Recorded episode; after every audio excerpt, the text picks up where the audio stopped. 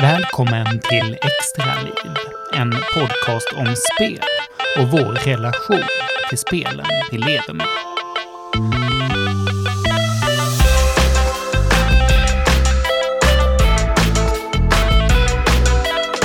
Hur många timmar har du lagt ner på att spela spel?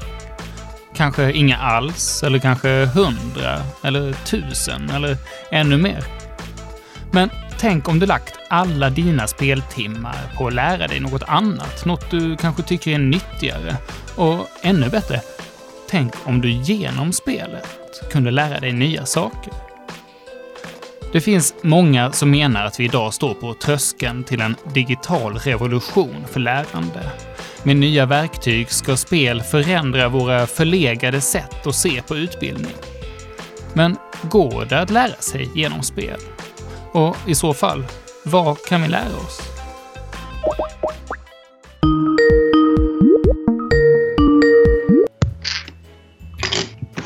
Uh, so you asked. Uh, jeg heter Jean-Baptiste uh, Wien, og jeg er um, daglig leder i Dragon Box.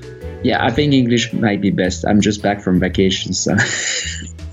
so my name is Jean-Baptiste Wien. Uh, I'm one of the founders of um, Dragon Box. I'm, I spend the most part of my time designing uh, games, learning games, or uh, school solutions in mathematics, especially. Jean-Baptiste Wynne och hans företag Dragonbox har skapat flera framgångsrika spel som lär barn matte. Nu vet jag att det kanske är anekdotisk bevisföring här, men med hjälp av en av Jean-Baptistes appar lärde sig min då femårige son att lösa ekvationer. Alltså i och för sig ganska enkla ekvationer, men ändå. För mig är det högstadiematte. Så jag blev lite förvånad när jag förstod att den person som gjort karriär på att skapa pedagogiska spel för surfplattor är så skeptisk till surfplattor. Och speciellt för barn. It's drugs, it's smoke, it's, it's the same.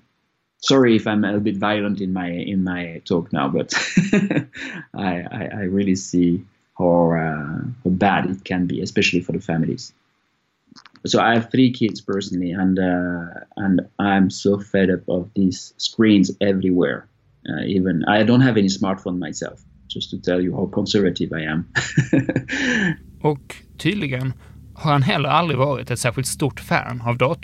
And, uh, I think my parents bought me a ZX81. You know, I'm, I'm 46 years old, so one of the first personal computers we could get in in France at least. Uh, and I, I, never, it was so complicated. I never played any game on this. I, I never programmed anything on it either. It was wasting money actually. uh, and then, uh, no, we, we've been, we were spending time doing other stuff, I guess. Uh, I think I, I never played almost video games. Uh, I played one video game when I was a, a student in, in, in, computer science. Actually, it was uh, at this time I think it was called Doom and I think that's the only game I played actually. I don't want to criticize video games because I think that it, it's art as well. But after having developed so many games now, uh, I do see very easily how addictive they are, and uh, it has to be used with uh, with care. And uh, I think that developers should have ethical guidelines to follow uh, you have really a responsibility not to uh, to sell trash. And unfortunately, many people just they want to survive, so they develop anything that can sell. Nej, istället för datorspel är det själva inlärningen som intresserar Jean-Baptiste. Och idén till sina spel fick han när han själv jobbade som lärare. Dels var det svårt att motivera eleverna och de elever som var motiverade tyckte ändå att det var svårt. Så spel blev lösningen. Dels för att skapa motivation, men också för att hjälpa eleverna att lära i sin egen takt. I, design more um, a kind of a learning experience, and and games is part of the the experience, of course, because to play is it's, it's a fantastic feeling and it's it's a very good state of mind to learn stuff. Uh, what I do love with games is the fact that you have this level design. so that you can really uh, learn small step after small steps, small things, which I think it's it's a problem in school because uh, usually you, you miss one step and then it's too late, especially in mathematics. It's very difficult to you know to understand things if you have missed one or two steps. Så hur ser ett spel gjort av en spelskeptiker ut? Den pedagogiska grunden är att spelaren själv ska få leka och upptäcka reglerna för matematiken. Algebraspelet börjar inte alls med siffror eller bokstäver utan med små brickor med figurer på. En av brickorna är en skattkista och målet är att få den att vara ensam på sin sida av skärmen. Först då kan den öppnas och en drake titta ut. Och sen, kanske 250 levlar senare, så har skattkistan någonstans på vägen förvandlats till ett X och brickorna steg för steg byts ut mot siffror och bokstäver. In, in the, the, the video games that we have developed, you have always at the heart of the game something to manipulate. You know, that's what we call the controls. And I'm, I'm very good at taking mathematics or mathematical objects and turn them into something that you can manipulate. Uh, in one of the games we have uh, called um, Big Numbers, um, I wanted to get a, a, a, cookie clicker because I saw my son playing cookie clicker, and uh, I was thinking, oh, he's so addicted to it, and I was thinking, oh, if we could get this into learning, and uh, and I was thinking, oh, but to click on things, it's to you know to to gather stuff, to collect stuff. And and and I was thinking, oh, but it's beautiful to get a number sense and really understand when you accumulate a lot of stuff. And then we created big numbers around this idea to, to click stuff to gather them and then performing these long additions and long subtractions and learning about it. Men Jean-Baptiste är skeptisk till att hela lärandet skulle kunna ske inom ett spel. För att skapa djupare förståelse krävs nämligen reflektion. The reflexive process is extremely important in learning. Uh, and, and then in this case you can learn really uh, a lot of stuff. The beauty with video games or what we call the digital medium is the fact that it's scalable and it's good because then you can reach out to many people. But in the learning process, I, I'm interested in any kind of experience you can get one essential part in the, in the learning process is to talk about what you've done. So you have to, to step back as what I'm doing now. Uh, you play video games and then you need to discuss it. You need to discuss what you have learned, what you have done, so that you go to a higher level and you can connect things in a different way. So, so all the video games that we've made, uh, so some kids are they they have maybe what we call reflection and they can understand and step back themselves and understand what they're doing and they learn from it. But for, I guess, the majority of kids, uh, they would have uh, a better time having a conversation with their parents or with peers about what they've done in their games to really understand and learn what they did. So you need a reflection För att behålla sitt fokus vid lärande och inte riskera att bara stanna vid spelen håller Dragonbox nu på att ta fram material för klassrum. Och i Norge, Finland och Frankrike finns det redan klasser där matematikundervisningen dels sker med hjälp av spel på surfplattor, men också med övningar, leksaker och sagoböcker som Dragonbox gjort. Men enligt Jean-Baptiste sträcker sig möjligheterna för pedagogiska spel över mycket mer än bara matematik. Jag I'm a strong believer that um, uh, language learning would be very good with video games. Uh, but um, yeah, there are certainly many other stuff we can learn because it's about linking stuff. I'm talking about uh, how you can manipulate objects, right? And and this is one part in a video game. Uh, you can fail, you can explore. This is very important, and then you have the level design.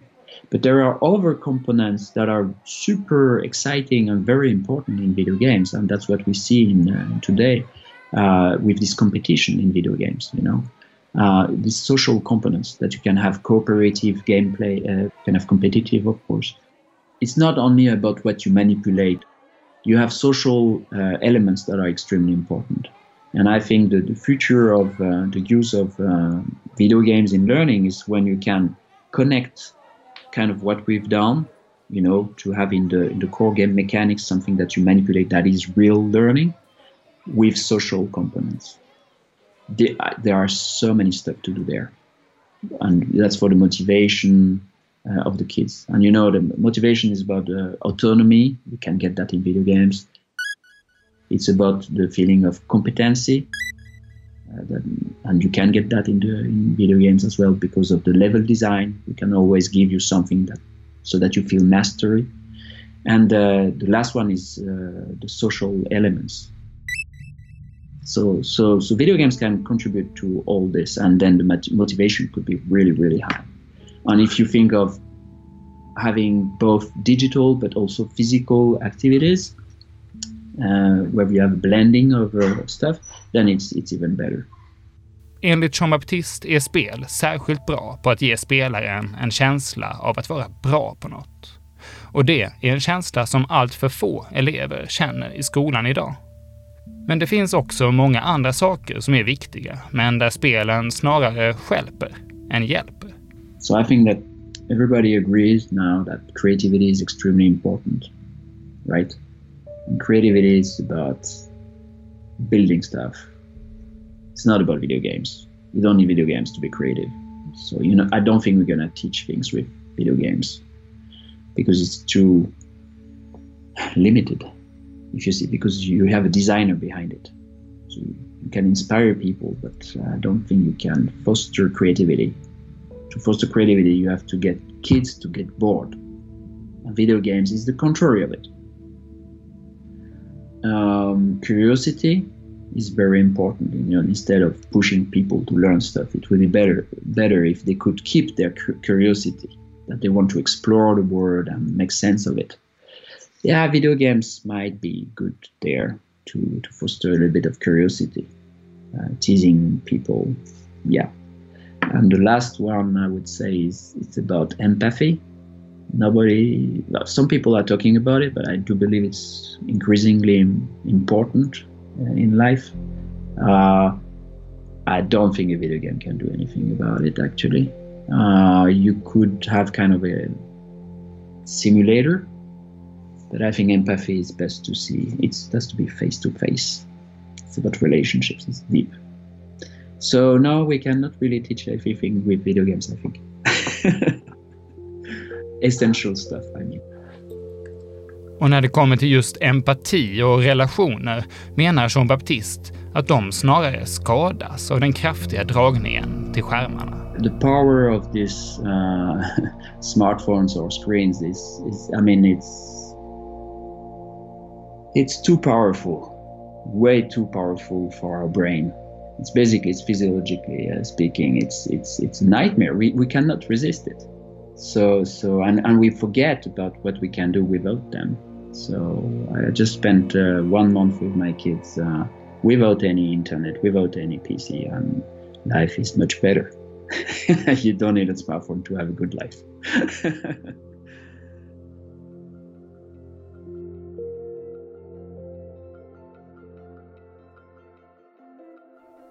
Jag jobbar själv som lärare. På lärarutbildningen fick vi lära oss att om eh, mobiler och datorer distraherade eleverna på lektionen så var det bäst att inkludera skärmarna i undervisningen. Men jag har helt ärligt ingen aning om hur jag ska lyckas med det. Så nu börjar jag varje lektion med att samla in alla telefoner och ber eleverna att anteckna för hand. Men det finns de som verkar lyckas bättre. Mitt namn är Felix Gyllenstig Serrao och eh, jag har arbetat i vardags som eh, förstelärare på en skola i Göteborg som heter Fröndaskolan. Jag, jag har ju klassiska exempel som jag har berättat om flera gånger med det var en elev som älskade Counter-Strike och jag visste att han hade väldigt svårt för ekvation för att eh, han hade Asperger. För han tänkte ju att matematik det är bara siffror. Men sen så är plötsligt med ekvationer då så kommer ju bokstäver in och det tyckte han ju, vad, vad gör bokstäver i matematiken? Det är ju bara siffror. Så, och så visste jag att han gillade Counter-Strike så jag ändrade om eh, en ekvation till en gisslansituation där terroristerna eh, blev siffrorna och gisslan blev bokstaven. Och så på andra sidan likemedelstecknet så hade man eh, polischefen. Och genom att göra en struktur då där han skulle ta bort terroristerna, som man gör i Counter-Strike, så kunde han lösa ekvationen. Och det här var egentligen på papper, så det var inte, på, det var inte genom att man spelade, utan det var ju bara att han, man tog spelets kontext och byggde in det i skolans eller matematikens. Då. För min del så är det otroligt viktigt att jag känner att det spelet jag använder faktiskt blir ett lärande moment för eleverna. Så för mig handlar det om att eh, Mm. både försöka se vad finns det för möjligheter med spelen, men inte till den delen att jag försöker pressa in det bara för att. Sen finns det ju andra aspekter i spelandet som till exempel eh, spelens förhållningssätt till spelaren. Alltså så som spelen möter spelaren för att lära dem spelet. Det kallas ju ofta gamification, då, att man försöker tänka som spelen för att eleverna ska lära sig och känna sig motiverade i sin inlärning.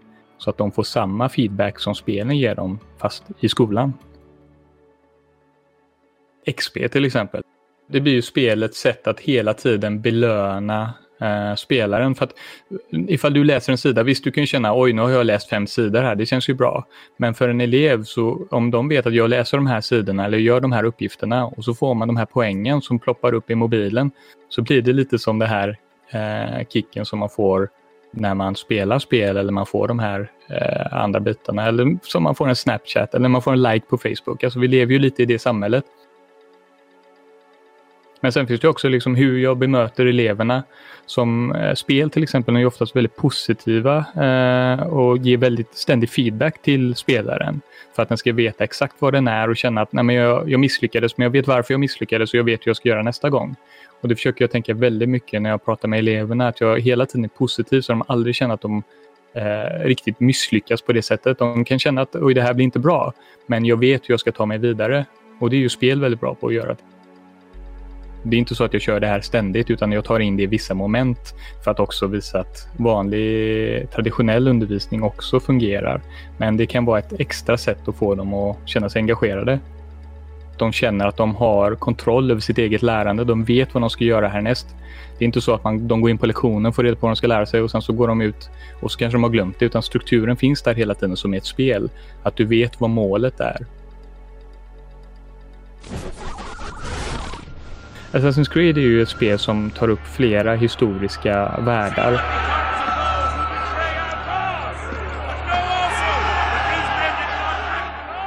Jättehäftigt egentligen hur de bygger upp det. Man får ha lite källkritik såklart eftersom det är många spelmoment och man försöker vinkla det lite så att det blir lite extra roligt och spännande. Eh, men du har ju industriella revolutionen, du har franska revolutionen, du har eh, Egypten från antiken om man säger så. Men det jag brukar säga med spel är att för att du ska kunna lära dig av spel så måste spelmomentet, alltså det du gör i spelet, sitta fast med det du ska lära dig. Och Du går i de här Assassin's Creed-världarna som är helt fantastiska, men spelmekaniken och uppdraget är egentligen att lönnmörda människor. Så när du frågar en elev, ja, kommer du ihåg eh, franska revolutionen? Vad gjorde du där? Ja, jag mördade de här människorna. Ja, precis. Det är inte riktigt det vi ska prata om. Så det blir lite skevt. Men när jag pratade om amerikanska revolutionen så pratade jag om Boston Tea Party.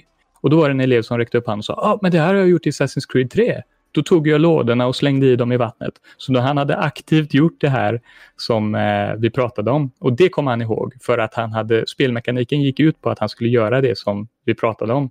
Och nu har ju Assassin's Creed Origins kommit med en Discovery Tour som är en slags pedagogisk eh, version av spelet. Där de berättar om till exempel eh, pyramiderna. Vad, hur byggdes de och varför och liknande. Men när du går då i den här världen så är det bara att någon berättar för dig. Så egentligen är det att du sitter på en föreläsning, bara att du kan röra en gubbe under föreläsningens gång. Built around 2550 BCE The Great Pyramid of Giza is considered one of the most iconic structures of Egypt. Så du är återigen inte aktiv i spelandet på det sättet att du spelmekaniken är kopplad till det du lär dig utan du får bara det berättat för dig. It is the biggest of the pyramids and the only one of the seven wonders of the ancient world still standing. Så du lär dig egentligen inte. Så egentligen så när jag såg att uh, det här skulle komma så trodde jag att det här ska jag in i klassrummet direkt. Men när jag väl provade det så märkte jag att nej, men det här kommer inte funka. Det här kommer inte ge någonting. Det kommer vara häftigt att se de här världarna vi har pratat om. Men att de ska sitta och lyssna på någon som bara berättar på engelska vad det är som har, eh, var, varför pyramiderna fanns eller liknande. Det kommer inte eh, gynna dem kunskapsmässigt. Så att den tiden kan jag spendera bättre. Så det är viktigt att spelmekaniken är kopplat till det de ska lära sig. The numbers associated to the Great Pyramid of Giza are impressive.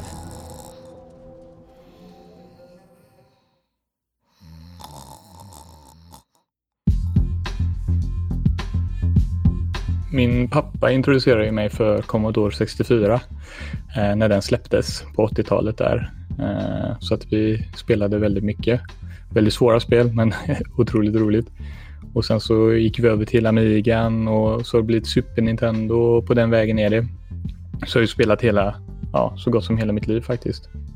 Och än idag faktiskt nu spelar vi Destiny 2 tillsammans. Eh, jag och min pappa och även eh, till exempel min bonusson är med oss så att vi liksom håller i traditionerna att familjen spelar tillsammans.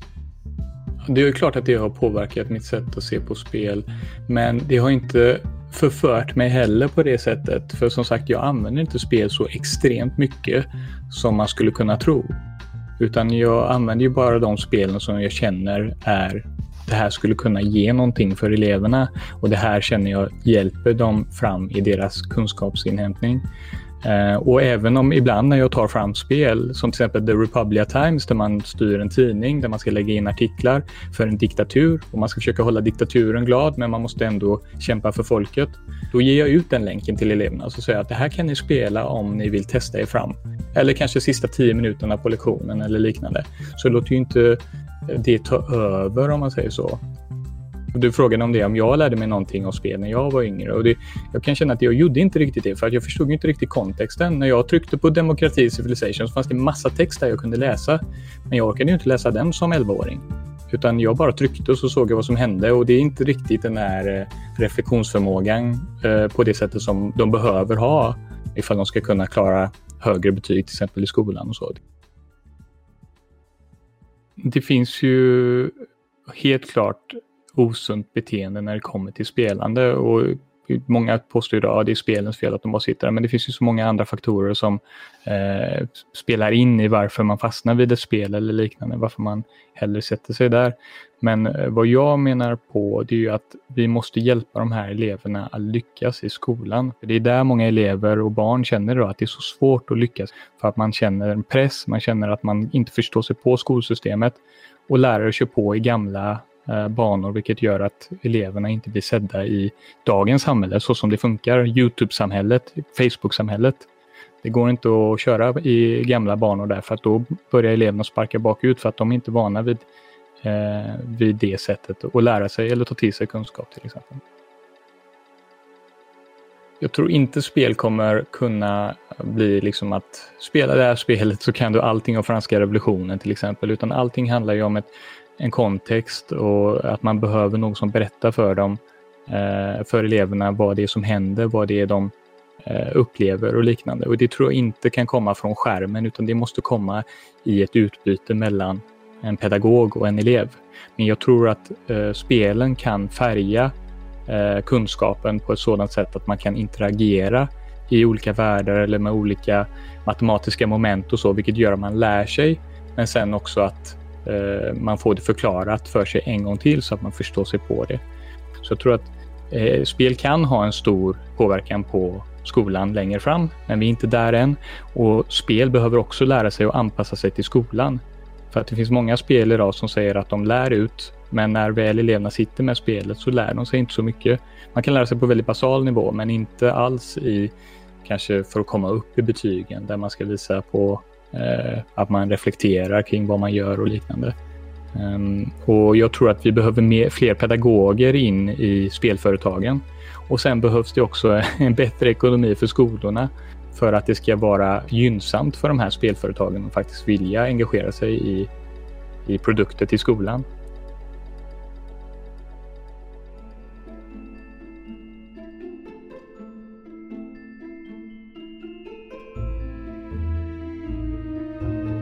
Jag vet inte vad man lär sig av tidiga shooters. Man ska plocka upp mat som ligger på marken och äta den så får man liv. Jag vet inte.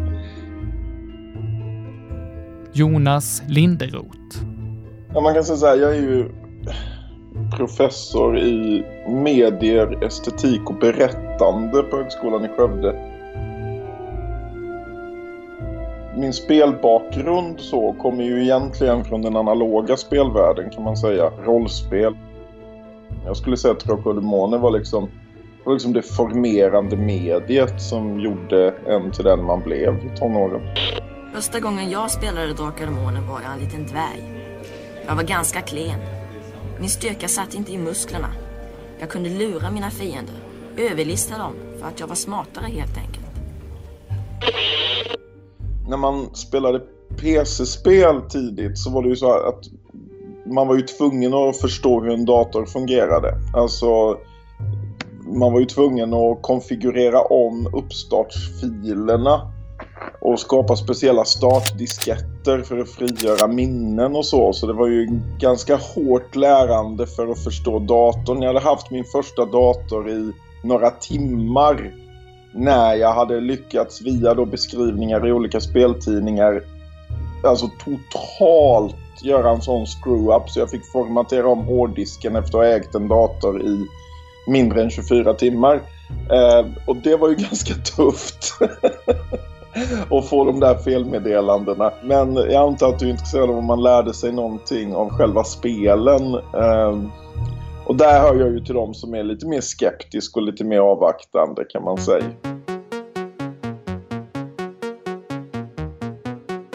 Kanske, jag minns att jag fick någon insikt när jag spelade Dune var det Dune 2 var det väl redan då? Ja, det var ett, ett av de första RTS-spelen.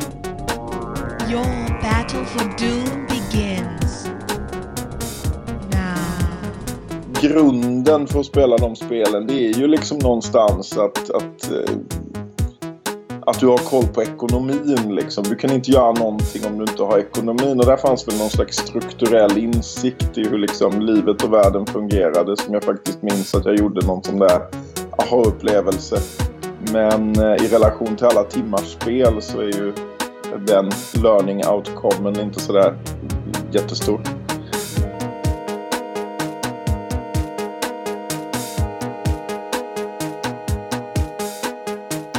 God speldesign handlar ju ofta om att du ska få flow, att du ska liksom försättas i ett tillstånd av att bara vilja vara här och nu och helst glömma av allt annat och komma in i en rytm i spelet och känna dig förflyttad i tid och rum till någon fiktiv värld om det är ett sånt spel. Och det är ju, flow är ju raka motsatsen till reflektion. Att stanna upp. Tänka efter. Reflektera. Vilket är ju en ganska god princip för lärande då. Så det är ju en sån sak. Confusion, disorder. You don't know what the word study means. You haven't the slightest idea.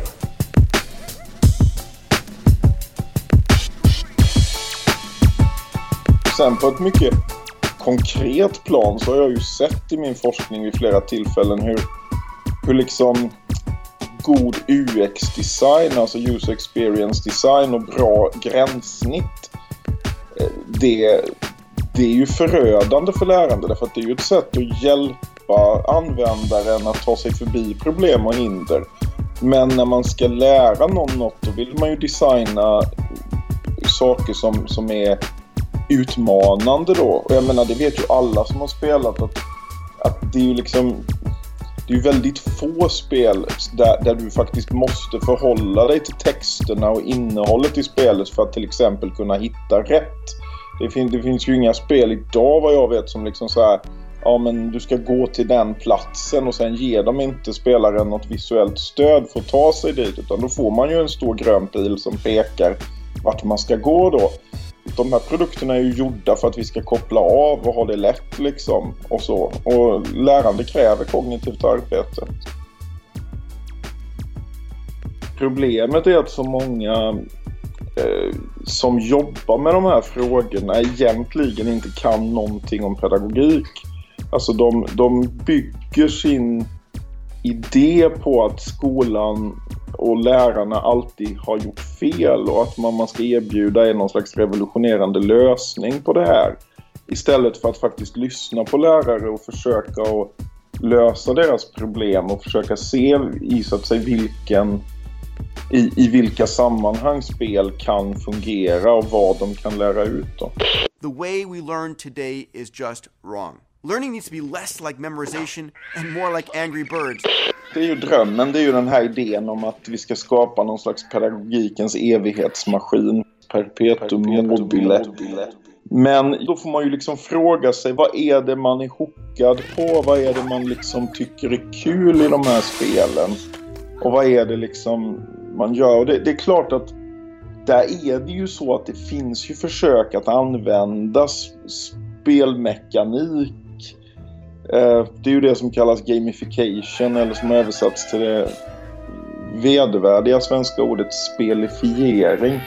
Så det, det, det är klart att då, då är det ju, då, men då är det ju så enkla belöningar som badges och poäng och sådär. Duktig du är! Härligt! Men vad man glömmer då är att belöningarna du får i ett spel och, det beror ju naturligtvis på spelgenre och, och, och, typ av design. Men de är ju ofta meningsfulla i relation till den aktivitet du gör i spelet. Så att du liksom gör en quest i ett, i ett spel och så får du ett svärd som gör att nästa quest blir enklare för dig. Där du tidigare liksom bara blev dödad av skeletten kan du nu gå in och så kan du liksom hur lätt som helst komma igenom det. Så den här belöningen, det här svärdet, är internt meningsfullt i spelvärlden för dig. Och jag har kallat den här principen i min forskning för att du får en illusion av lärande. Du får nämligen känslan av att du har blivit mer kompetent som person då inom ramen för det här, den aktiviteten du gör. Men vad som i själva verket har hänt är att du har fått ett bättre redskap för att utföra uppgiften. Och den här illusionen av lärande menar jag då Eh, så att säga, i mina resonemang är, är liksom en oerhört central drivkraft. Problemet är ju att det är ju inte så lärande fungerar. Va? Skolans värld, om det är den pedagogiska praktik du designar för så är det ju helt förödande med ett spel som tar 20 timmar att spela. Och då pedagogisk speldesign skulle ju då liksom, där skulle det vara helt okej okay att göra ett spel som lär ut sin poäng på 45 minuter liksom och sen aldrig behöver spelas mer. Och det är ju så vi ser de, de väldigt goda analoga spelen fungerar. Till exempel ett spel som heter Harvest som illustrerar då en, en systemprincip som kallas för The Tragedy of the Commons eller Allmänningens dilemma. Det är alltså det här problemet vi har att när vi har en kollektiv resurs, till exempel havet som med, dess fisk då, så tenderar vi att eh, trots att det är bättre för alla på lång sikt, alltså att fiska ekologiskt hållbart, så kommer vi att agera utifrån de egna kortsiktiga målen då. Och det, det är liksom ett, en ekonomisk teoretisk princip då. Då finns det ju till exempel ett spel som illustrerar det där man försätter spelarna i en situation då man ber dem i lag då plocka upp spelpjäser som fiskar ur, ur ett hav och så eh, väldigt, väldigt ofta så fiskar de ut havet då. Och då blir det här liksom när man ser sin egen girighet och förstår då, då blir det eh, en aha-upplevelse för dem. För de har inte bara fått höra om det här systemproblemet utan de har fått uppleva det då. Man kan säga att de här spelen bygger ju då på en, en, eh, en designprincip som man ibland kallar the mechanics is the message.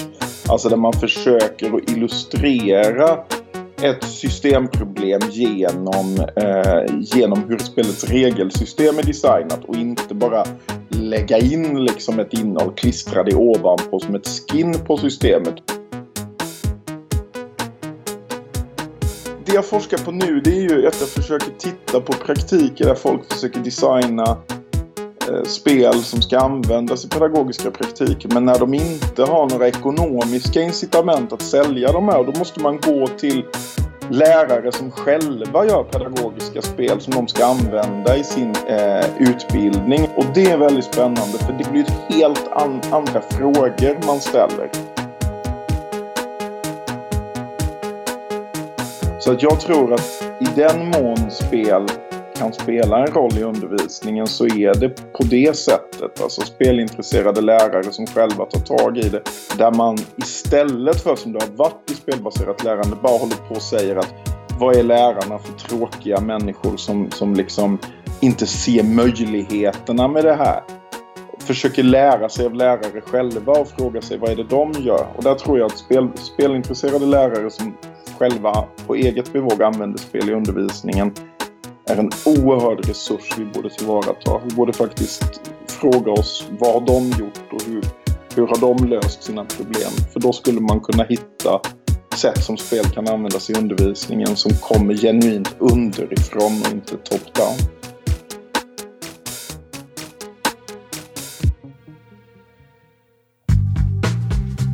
Du har hört Extra liv om spel och lärande. Den franska norrmannen Jean-Baptiste Ouin har gjort mattespel för barn från 4 till 12 år och äldre. Och mer info om dem finns på dragonbox.com om du är sugen på att testa. Och förutom att jobba på skola så driver Felix Gyllenstig Serrao också bloggen Spelläraren, där han vänder sig mot både föräldrar och lärare och ger tips om hur man kan förhålla sig till spel. Och detta var det sista avsnittet av första säsongen av Extra liv.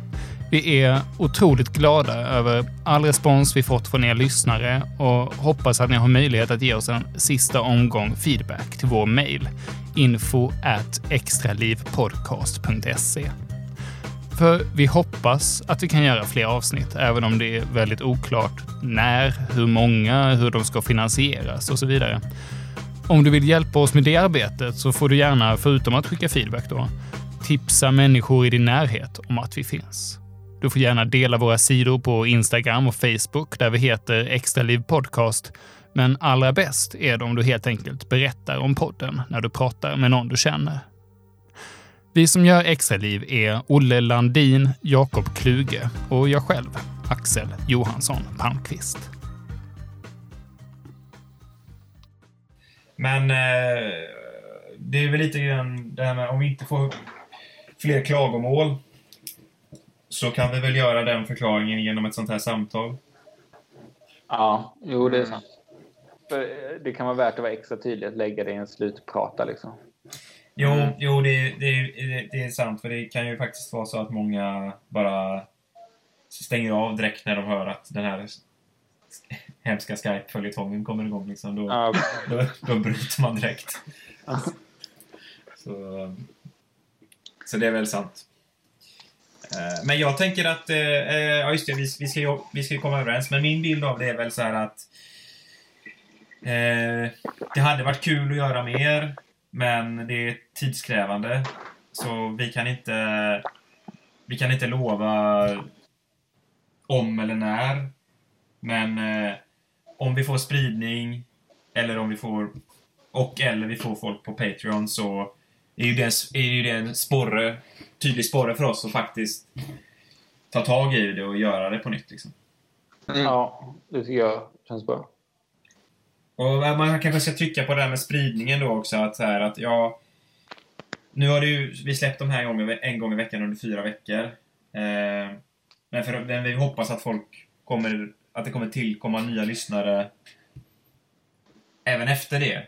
Eh, trots att det går emot hur, hur de flesta jobbar med sociala medier och sånt där, att man istället släpper liksom eh, kontinuerligt varje dag eller var, varje vecka. Och att därför, ja. där, därför skulle vi... Därför är det extra viktigt att vi... Att folk kan hjälpa till och liksom tipsa om det här. Eh, så att vi får nya lyssnare på de här fyra avsnitten som finns. Men jag tycker också så här, vad som är bra med vår podd. Det är att den är, ja men som du säger, den är inte tidsbunden på samma sätt utan man kan ju, den här kan ju liksom ligga och eh, gotta sig ute på nätet och man kan ju fortsätta promota den och eh, så kan den växa allt eftersom, tänker jag liksom. Eh.